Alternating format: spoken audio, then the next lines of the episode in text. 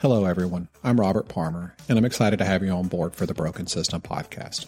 This podcast is about bringing to light stories that often stay hidden, stories about real people who have been let down by the justice system that should have helped them.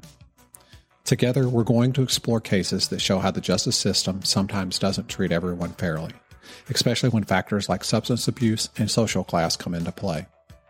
These stories reveal a concerning pattern where people don't get the same help as those who have more money and privilege. In our first season, we looked closely at the life and tragic death of DJ Ficky. His case showed how the system's biases can stop the justice from happening. Even though it was a tough fight, we managed to bring some closure when the person responsible for DJ's death was arrested. But that story isn't finished, and we're going to keep you updated on what happens next.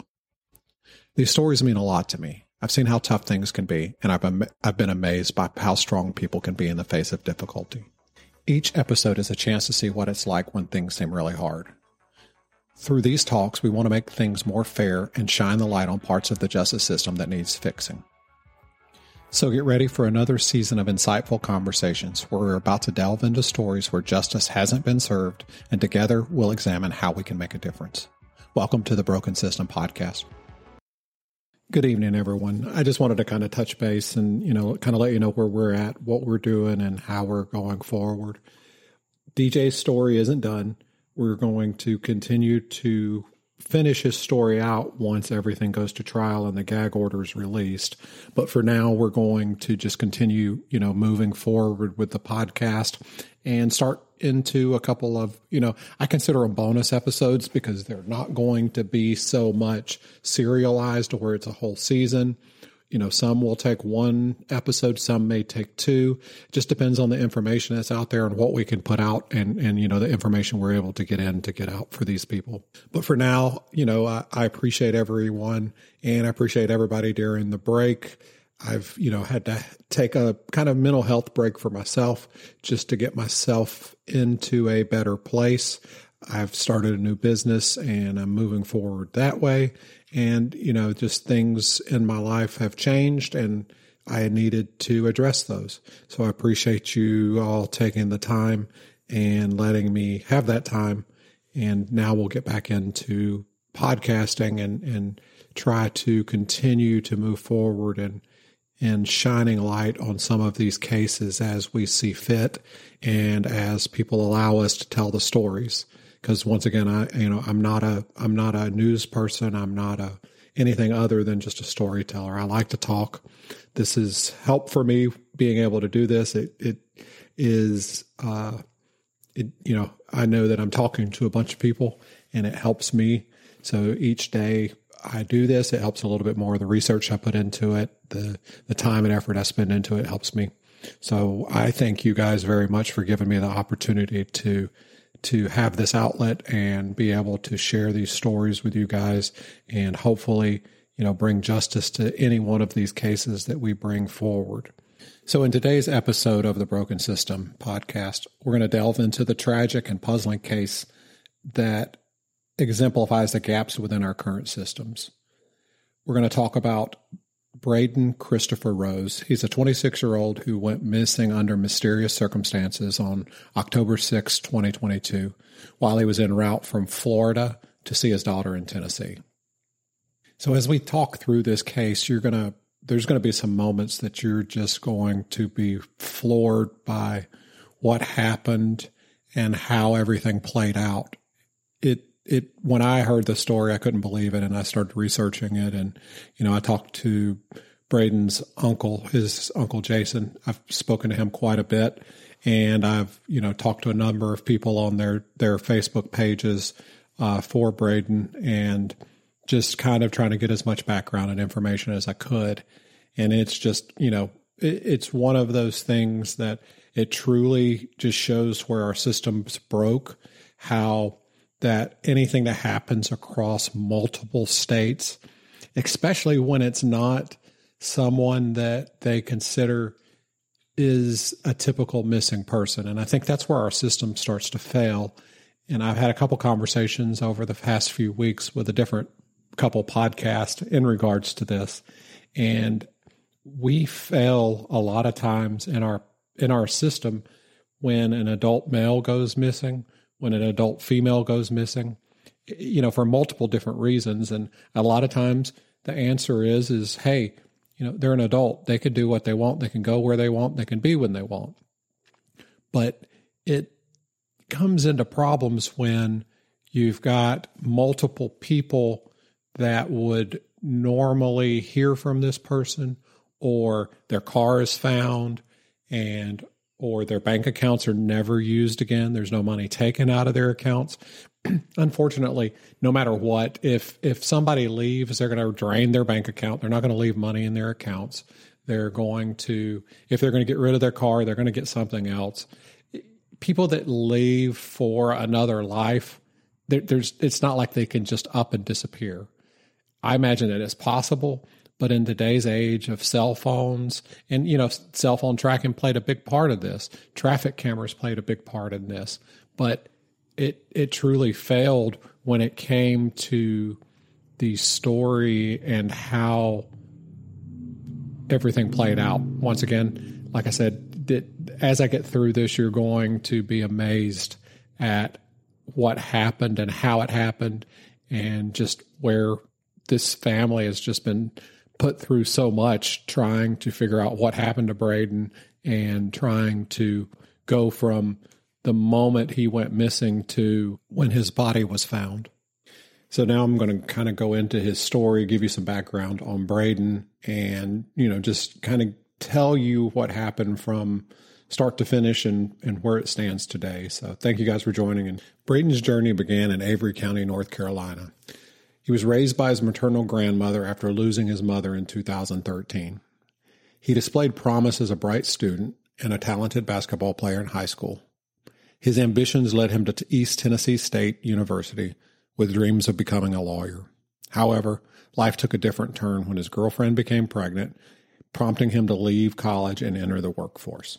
Braedan took on different jobs trying to find the right spot to provide for his family. Braedan did do marijuana, just like most kids these days, but stayed away from harder drugs due to the issues that had plagued his family in the past. It that goes back to part of you know losing his mom back in 2013. Braedan had just taken on a new job that would require him to travel around for each assignment. His most current assignment was Jacksonville, Florida. He had went down on October 5th and checked into a hotel. But for some reason, on October 6th, Braedan checked out of the hotel suddenly and texted his uncle and asked for $20 to make his way back home. The assumption was Braedan was headed home to Tennessee to see his daughter. And we'll be right back. Let's take a quick break.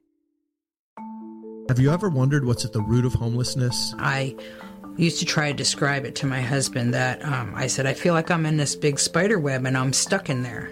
And how wraparound approaches at missions aim to make a difference? It's the things like that. The people who communicated that, in spite of my rough edges, that they authentically cared about me.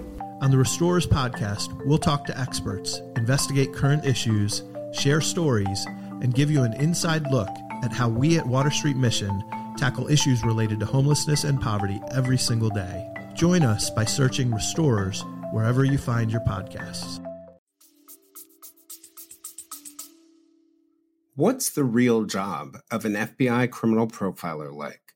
What's it like to make it your life's mission to catch the serial killer who killed your cousin?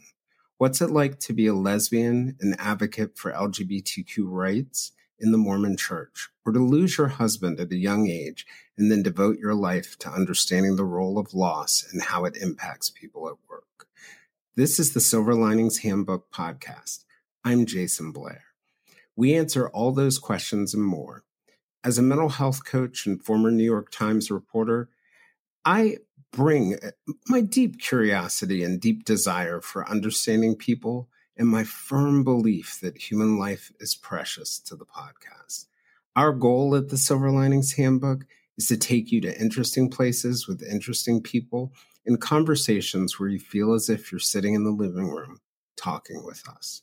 The door is open, and we would love to have you come join us wherever you get your podcasts.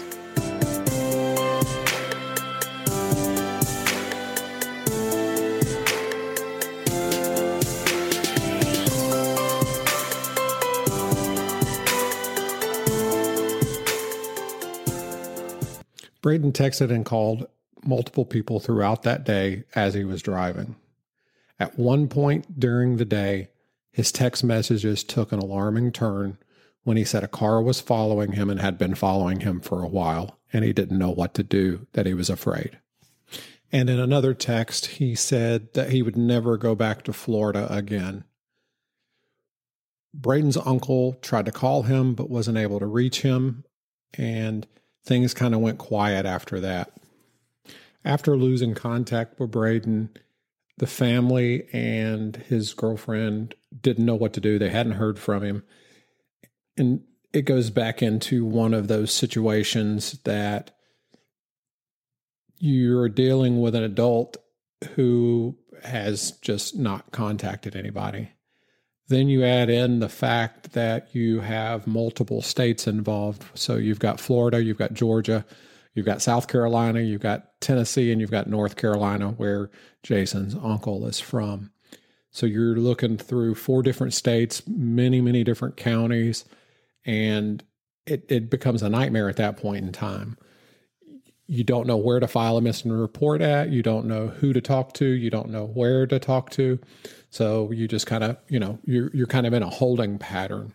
Jason and the family are doing everything they can at this point in time trying to find Braedan. They're, you know, calling the hotel, they're calling people they worked with, they're calling friends, they're calling, you know, a little bit of everybody. And on October 14th, which is eight days later, Braedan's ex girlfriend filed a missing persons report with the Avery County Sheriff's Department in Tennessee when his, when Braedan failed to pick up his daughter from school. The filing of this missing persons report obviously put Braedan's car information out into the world, letting them know that he was missing, his car was missing, and hadn't been seen. Jason, at this point in time, reached out to a number of different people to see what he could do and what he could find.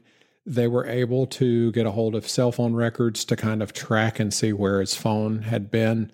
And, you know, by doing that, they were in turn able to see that his car had been spotted in a multiple different places on I ninety five the date of his disappearance.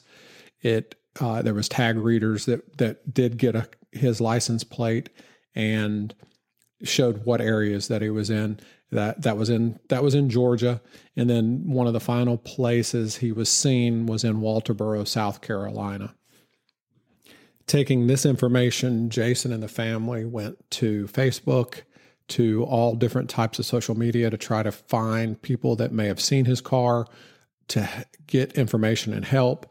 They, you know, a lot of people joined in and, and they started looking for Braedan's car. Come to find out, when they did find it, it was in a tow yard and it had been towed the same day, October 6th, that Braedan went missing at 7 p.m. The South Carolina Highway Patrol towed the car, and obviously at that point in time, Jason called to let them know that the car was in the tow yard, and they went and you know obviously got the car and looked at it to see you know if they could find any information, any problems, any you know see anything out of the ordinary, and they didn't find anything according to uh, the South Carolina Highway Patrol this highlights to me one of our biggest issues with one adult missing person cases, cases that are over multiple states. It, I know it's hard, and and once again, it, it's what I said earlier in the podcast about someone just wanting to go missing, someone that disappears. It, it's going to take a lot more planning it's going to be, you know, someone that has money, the means to do it, not somebody that was texting earlier in the day asking for $20 to get home. That's not someone that just decides to disappear. They take their car. Obviously, he didn't. It shows that there's a, a, a failure in adult missing persons cases, especially when it when it comes back to men. So just to touch base on the timeline, October 6th, Braedan leaves his hotel. October 6th at 7 p.m., Braedan's car is towed from the side of the road in Walterboro, South Carolina. Then, 41 days, Braedan's family looked for him, his car, any signs, anything. His checking account hadn't been used, his credit cards hadn't been used, cell phone hadn't been used. He basically fell off the face of the earth. On November 16th, after rallying a number of people through Facebook, they called every tow lot, hospital, everything in, in that surrounding area of Walterboro, and the family and friends were able to find his car in a tow lot that had been towed on the date of his disappearance. During those 41 days, Braedan's uncle Jason had been searching, looking for him. He had set up times and actually had an aquatics group come to that was close to the Walterboro area to do a river search or a lake search looking for Braedan's car, and, and they didn't find anything. They also set up with a group to do a canine search from the area where Braedan's car was found. I want to clarify that this had no police involvement. This was all done at, you know, by Jason and his family and friends. The the police basically were hands off onto this to the point so much that Jason had to call in a tip to the tip line where Braedan had been reported missing just to get them to go take a look and find where the car was at. So know, the family found the car, couldn't get the police to respond, had to call in a tip to the tip line. They called the Walterboro Police, Colleton County Police, Colleton County Sheriff's Department, and finally got them to go look at the impound lot for the car for the missing person. So police had no involvement at this point in time. On November 17th, they had planned the search for Braedan. Um, they were going to meet and then do grid patterns from where his car was found. Jason, Braedan's uncle, arrived early, and uh, he said as soon as he got out of the car, he could smell something that, that wasn't right. He, and this was at the spot that Braedan was car was towed from. 25 foot from the edge of the pavement where Braedan's car was towed from, Jason, Braedan's uncle, found Braedan's body. To me, this is absolute insanity because that just shows that one, the police department never went there. They never looked. He was he was literally 25 feet from the vehicle where the vehicle had been towed from. So they, you know, that just to me just shows lack of caring, lack of, you know, I, I, don't know how else to put it. It's just very frustrating. I couldn't imagine, and I feel for Jason very much so because, you know, after putting in so much effort to find Braedan and doing everything that he needed to do to be the one that had to find his body is just, you know, it's unthinkable and I understand why he's upset and I understand so much why he's pressured the Colleton County Sheriff's offices so hard to get answers, especially when they did so little to help in the situation.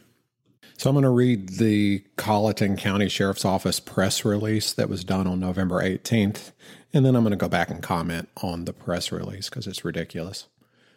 Colleton County, South Carolina, November 18th, 2022. A North Carolina man was found dead in the Ruffin area on November 17th around noon. The man was reported missing to North Carolina authorities on October 14th. North Carolina authorities were advised the man battled with drug addiction and known mental health issues. North Carolina authorities began investigating his disappearance. On November 16th, North Carolina authorities learned that SCHP towed the vehicle after finding it abandoned around 8 p.m. on US 21 on October 6th. SLED, the South Carolina Law Enforcement Division, was contacted for further assistance. Per SLED's request, the Colleton Sheriff's Office conducted a search warrant on the car, found no evidence of foul play, and, await- and is awaiting autopsy results to determine the final cause of death. Due to this remaining an active investigation, further information is limited. The Colleton Sheriff's Office asks anyone with information regarding this incident to call 843 549 2211. And we'll be right back. We're here in the matter of the United States of America versus. Collect call from a person presumed nice until proven naughty. Santa Claus. Y'all, Santa Claus is locked up, and I'm going to get him out. My name's Richie Buck. I'm an amateur podcaster and investigator. I'm an Investapodster. I came up with that. If you like true crime, feelings of the holidays, and I ain't just talking about Christmas, and satire, well, Santa may be a criminal, just might be for you.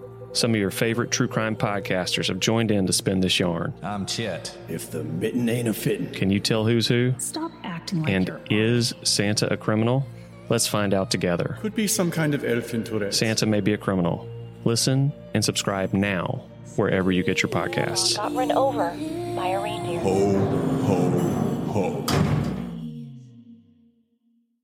So, this press release and a few other things that happened prior to this press release is very concerning. First of all, in this press release, it says specifically that Braedan battled drug addiction and had known mental health issues.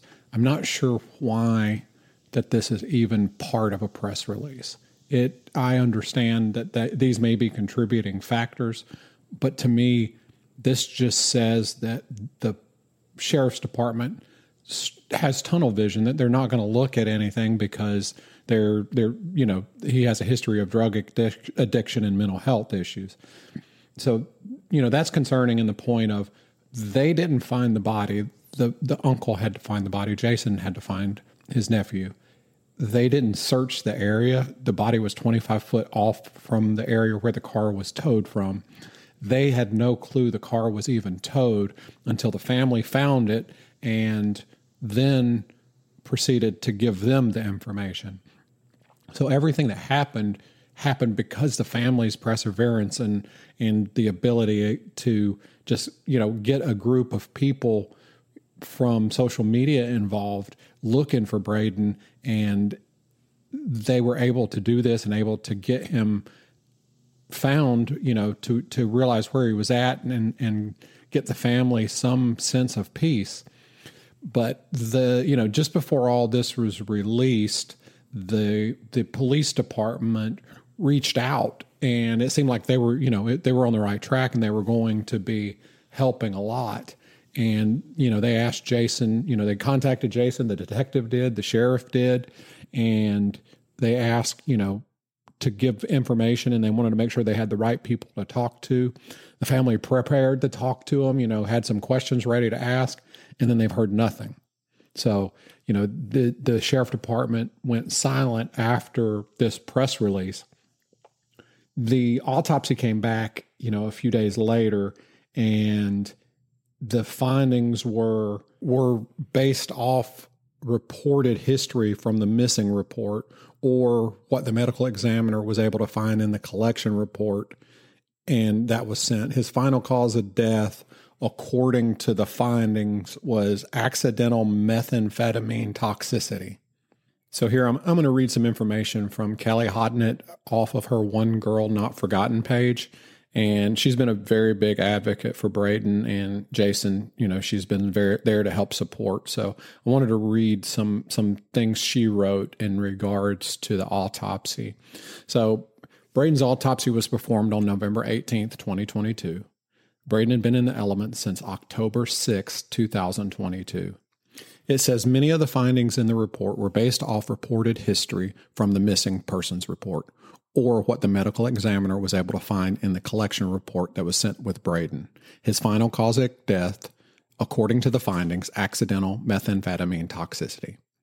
Now, we could take this at face value and see it as a typical overdose, or we could look at the situation and all the findings as a whole. Regardless, there are many unanswered questions that deserve a closer look. Toxicology testing is only as accurate as the subject being tested. Think about that for a moment. Braedan had been in the rain, cold, hot, etc. for 41 days. Many of the tests that are required for an accurate autopsy were canceled or not even run. Braedan's methamphetamine level, which has a cutoff of 80, was at nearly 60,000. The average daily user of methamphetamine has a testable level of around 7,000 on any given day. Frequent and constant use, not recreational. If you'll remember, Braedan's tox was done 42 days after death, presumably.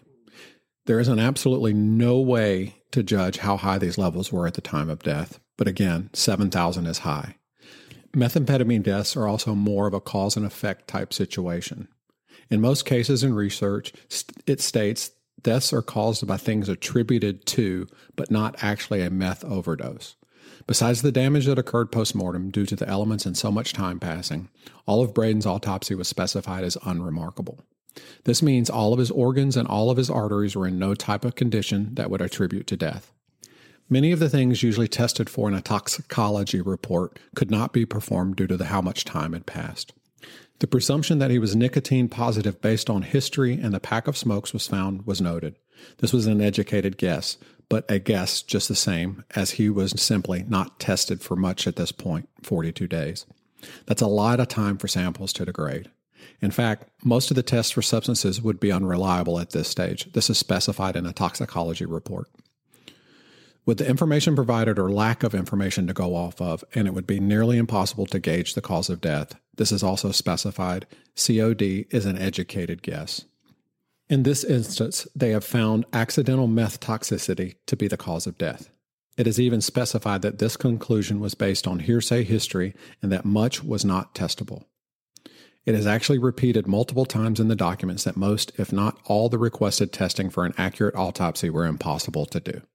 So, once again, this is the information that came off the One Girl Not Forgotten Facebook page. Um, go over and give that a like. And uh, there, there's tons of advocacy there, and she's an amazing person. So, you know, give her a like and a follow and, you know, support them as they continue their advocacy and support for victims. So, what we're hearing through this is that there was very high levels of methamphetamine in the system, which is 10 times higher than the normal daily user of methamphetamines. Most typical methamphetamine deaths are not related to methamphetamine overdose, it's side effects from methamphetamine. And that a good portion of the autopsy was completed by speculation and history and not known facts. Also, at the scene, when the police finally arrived, there was noting that there was a possible sign of head trauma. And that was told at the scene, but that was never mentioned in the autopsy. And one of those things that, you know, we'll, we'll never know about unless, you know, something else comes about. So, you know, as we go into this a little bit further, you know, we just want to make sure that, that there's signs at the scene that something was wrong. The police didn't do their job. They treated it as an overdose from the beginning. They actually probably treated it as a, just a uh, person ran away before they even started looking at it. And they were only forced to look at it because Jason found the body. I'm, you know, I'm floored that the police never went to the site where the car was found to even do a, you know, a random search because if, they would have, they would have found it within you know minutes of just pulling up and and you know from unfortunately from the smell and um, just just from everything. They they shouldn't have been on the family members to find the body. And, and then just the follow up from you know and the problem where it arises that you know that this case started in Florida went through Georgia ended up in South Carolina. The missing persons report was filed in North Carolina. Th- those are just so many issues there that our system isn't talking across each other. And I, I believe even one of the police officers told Jason that it was like finding a needle in a haystack when looking for him. The police never followed up at the hotel. They never followed up with the job. They never found out why Braedan left his job to come back home, you know, just after a day of being there.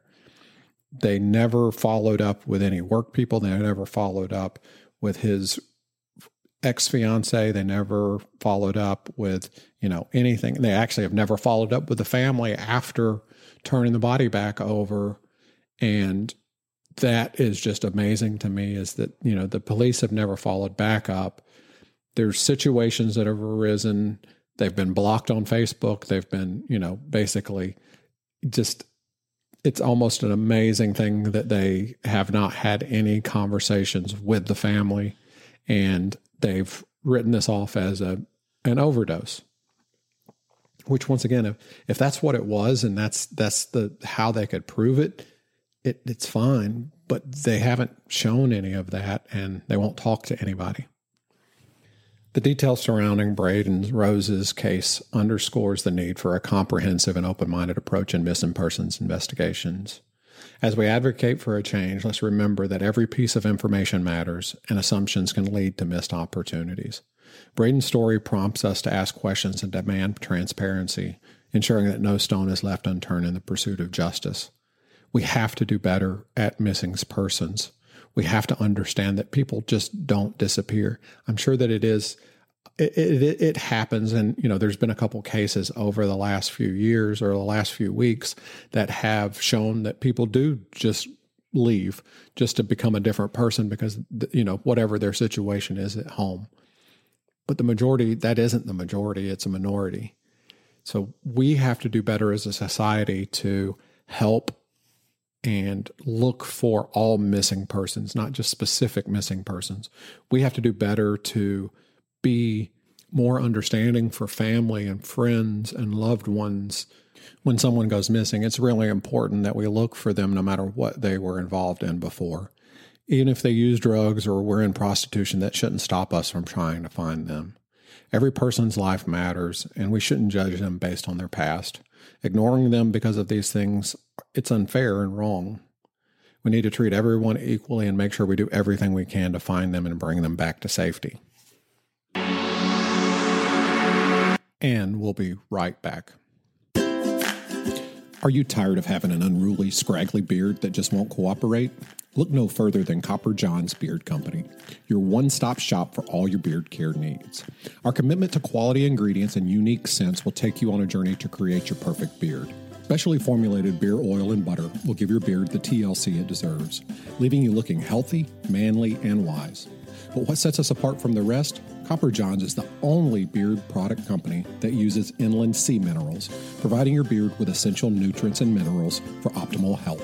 Don't settle for a lackluster beard any longer. Upgrade to Copper John's Beard Company and take the first step towards achieving the perfect beard. Use code BSP10 at checkout for a special discount on your first purchase. Order now and start your journey to a healthier, more confident you with the Copper John's Beard Company. Let's take a quick break. Introducing Work From Anywhere, a Haworth Connect podcast where we sit down with industry experts to discuss what's new and important in the world of work. We are now kicking off season two. In this series, we're focused on organizational culture, how important that is to the way we go forward in a work from anywhere ecosystem, and how we design the workplace to best support the most engaged workforce. We're available wherever you find your podcast, and we hope you'll learn along with us. So, as we come to the conclusion of this episode today, you know, we look back on on Braedan and his story and the family's, you know, plight to get justice for Braedan, and and just see how hard it has been for them. You know, they were fortunate to be able to bring the body back home. In in a lot of cases, you know, missing persons never result in that because there's just you know no one out there looking and fighting for individuals. Jason and his family are continuing to search for answers on what actually happened to Braedan because they've they've not gotten that and they've not been able to conclude and to be able to start grieving for Braedan's loss because there are so many unanswered questions. So it's important as we wrap this up to take a moment to, you know, as we look through all of this and kind of look at it as a a big puzzle, you know, scattered across different places, especially with this case, you know, because it was across different states. Now, imagine trying to do that and solve that puzzle across, you know, so much area. and it gets so tricky. The thing is, is that we're not powerless when it comes to missing individuals, and, and Jason is able to show that. You know, he was in North Carolina, and he was able to build a a, a group of individuals that helped him locate Braedan's car, helped him, you know, get in touch with people to search for Braedan, to you know, just just formed a community, and and it goes back to, you know, DJ's case as well because Amanda was able to do the same thing. She was she was able to to form a community through social media and get DJ's story out there, and that's what's important is is that that the local law enforcement isn't going to do everything because there are so many people that do go missing and then show back up two or three days later, which is understandable. But when you're talking about someone missing for 40 days and their car being in a lot that was towed by the police department because of it being abandoned, there has to be more to that. There has to be someone out there that that said, "Hey, this is you know th- this came across their radar and they should have looked into it further." Or there has to be some way that this information is put into some type of database. We have too much technology now to be able to not know that you know this person's missing their car is missing. Oh wait it was towed it was towed on this lot on the day that they were reported missing. That's that's crazy to me. And we just have to keep in mind that we've touched on a you know a story but there's so much more going on and openly talking about and sharing stories. It shows that we care. We we're going to show that we're looking for missing people and that it's taken seriously and it's not just something to be forgotten or set aside and you know just chalked up to whatever history that person has. And because if we do that it's going to open the door and, and i think it has opened the door for people to go missing and people not to look and search for them and them being able to justify it because of drug abuse uh, prostitution or whatever. You know, you look at some of the cases that are in the news now, just you know, with the the Gilgo Beach stuff. How soon, you know, how, how quickly would he have possibly been caught had everyone taken the missing individuals and looked at them as a person, not as what they did as a profession. And then you go, you know, kind of look at the cases that have been national news and you know, why were those national news? That that's what you have to ask yourself and that that's the concerning factor is is why does one person get more news coverage than another? It should all be the same. I mean, I understand that people look down on things. And, and a lot of times smaller towns and things like that, things happen and it just doesn't have the news or the media outlets. But it, they still need to be a driving force and they need to be searched and researched. So hopefully, you know, as we move forward, things will get better. Technology is definitely better. I don't know why that there's not, you know, more of a. I, I understand that there is a missing persons database and things like that but I, think it needs to be more connected to local law enforcement, just kind of the same as, you know, when you're looking for a warrant for someone, why would it not be the same when you're looking for a missing person's car? Why, why can that not be a national database that, you know, this car is towed because it's abandoned on the side of the road and it's towed by the sheriff's department? Why would that not go into a database searching for one, who the owner of that car is and why it was abandoned. That's that's you know those are the big things for me. But as we look at this, we just need to continue to get the get the information out there, bring up as much as we can, and remember that finding missing individuals isn't just confined to one place. It's a universal effort. Thank you guys for being a part of this journey with us. You know, change starts with each of us, no matter where we are. And we just have to keep raising awareness and sparking conversations and, and just make an impact across states and beyond and use Facebook, use social media and use it properly. Don't, you know, don't don't dive into that negative side of social media. Keep it on the positive side. And when, when people are asking for help, put the effort in and, and give them assistance and, and help them. But thank you very much, and we appreciate you joining us this week for this episode. I'm sorry it's been a couple weeks, you know, since since the last episode, but we want to make sure that we're we're back on track here soon. We'll continue to do a few more cases like this over the next few weeks, and then after, you know, probably October, November, we'll get started into our next season of a full serialized podcast, and that information will be coming up soon. So I thank you all and appreciate y'all very much.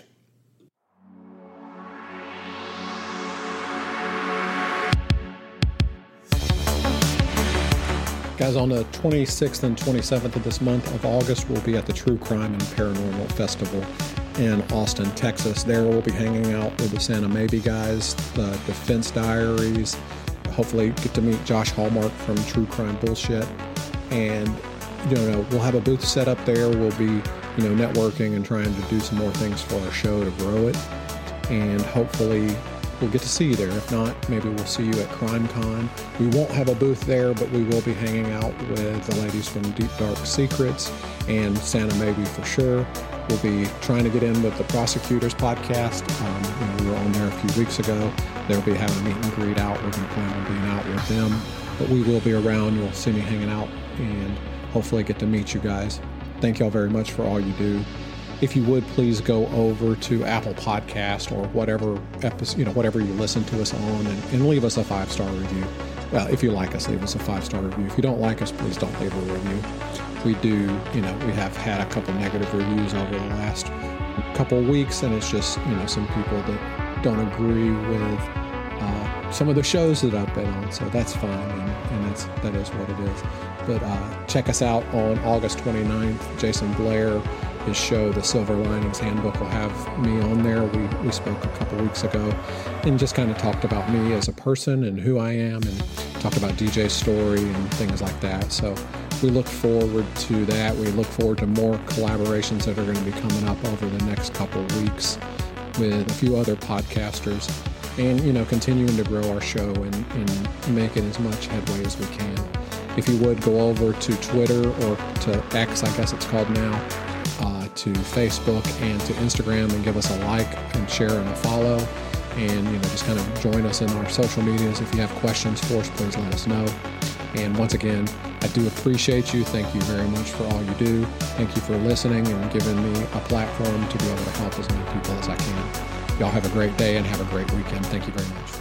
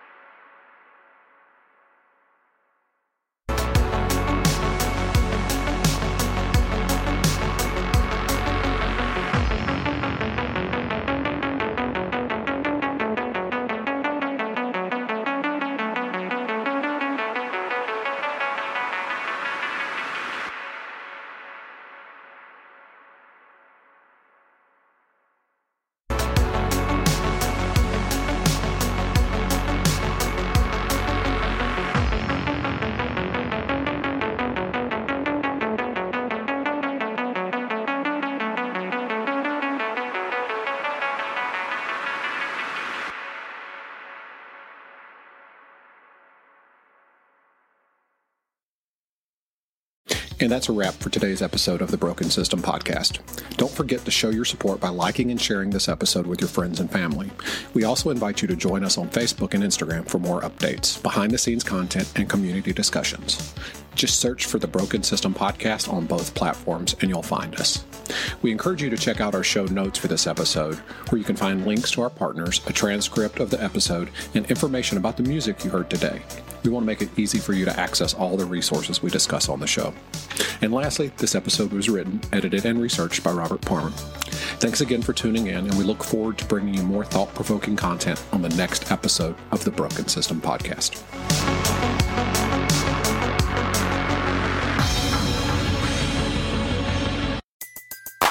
Everybody in your crew identifies as either Big Mac Burger, McNuggets, or McCrispy Sandwich, but you're the filet fish Sandwich all day.